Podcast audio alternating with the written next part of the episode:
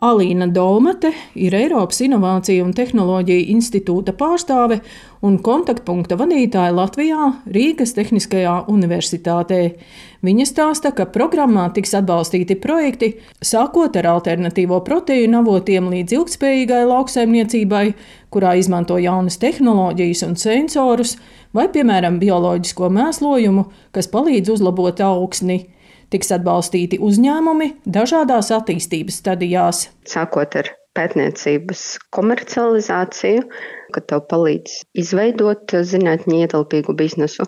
Tad ir akcelerācijas posms. Ja tu jau esi jauns uzņēmums, tad tev palīdz veicināt pārdošanu un iekļūt ātrāk Eiropas tirgu. Vai arī, ja tu jau esi pierādījis sevi, tev jau ir ļoti labi rezultāti vietējā tirgu, Tad ir programmas, kas palīdz veicināt komercializāciju, nokļūt ātrāk starptautiskos tirgos. Programma ir starptautiska, un uzņēmumiem ir arī iespēja gūt pieredzi ārvalstīs.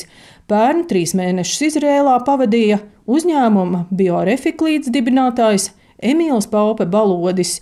Viņš stāsta, ka Izrēlā pavadītais laiks licis mainīt uzņēmuma stratēģiju.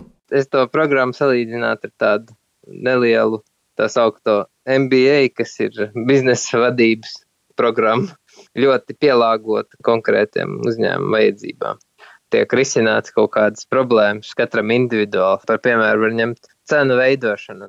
Mentors, jeb eksperts piedāvā dažādas veidus, kā to domāt alternatīvi, vai varbūt vispār savādāk pieeja būtu vajadzīga un tā tālāk. Tā ļoti individualizēta programma un, manuprāt, ar tieši to, kas ir vajadzīgs jaunu uzņēmumiem. Nu, mūsu fāzē, nu, protams, ļoti daudz kontaktu gan ar citiem jaunu uzņēmumiem, gan ar akadēmisko vidi, kur norisinājās šī programma, un arī ar citiem industrijas uzņēmumiem. Uzņēmums Biorefik dibināts pirms diviem gadiem, un tajā tika izstrādāta videi draudzīga bezatkritumu biorafinēšanas platforma, lai iegūtu augstas pievienotās vērtības produktus no lauksaimniecības atlikumiem, piemēram, salmiem, sēnelām un pākstīm.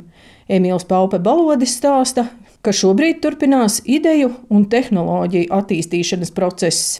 Kāpēc bezatlikuma un kāpēc biorafinēšanas? Jo netiek ražots kaut kas viens, bet nu, primāri fokus šobrīd visdrīzāk būs šķiedrvielas, kas ir pārtikā un dzīvnieku barībā izmantojams, un tad ir enerģētiskā izmantošana vai bioūdeņa ražošana no šī atlikuma. Un tāpēc sanāk, ka viena veida materiāls ienāk iekšā, bet iznāk ārā vairāki produkti, un viss tiek izmantots pilnībā. Nekas neiet zudumā. Eiropas Innovāciju un Tehnoloģiju institūta pārstāve Latvijā Alīna Dolmate stāsta, ka pērn biznesa atbalsta programmās veiksmīgi piedalījās trīs komandas no Latvijas. Viņa uzsver, ka pārtiks un lauksaimniecības jomā joprojām darbojas ļoti maz jaunu uzņēmumu. Biznesa atbalsta programmas ir vērstas uz zinātnē ietilpīgiem vai tehnoloģiskiem risinājumiem, kas tiešām var veicināt tādas zīmīgas pārmaiņas nozarē.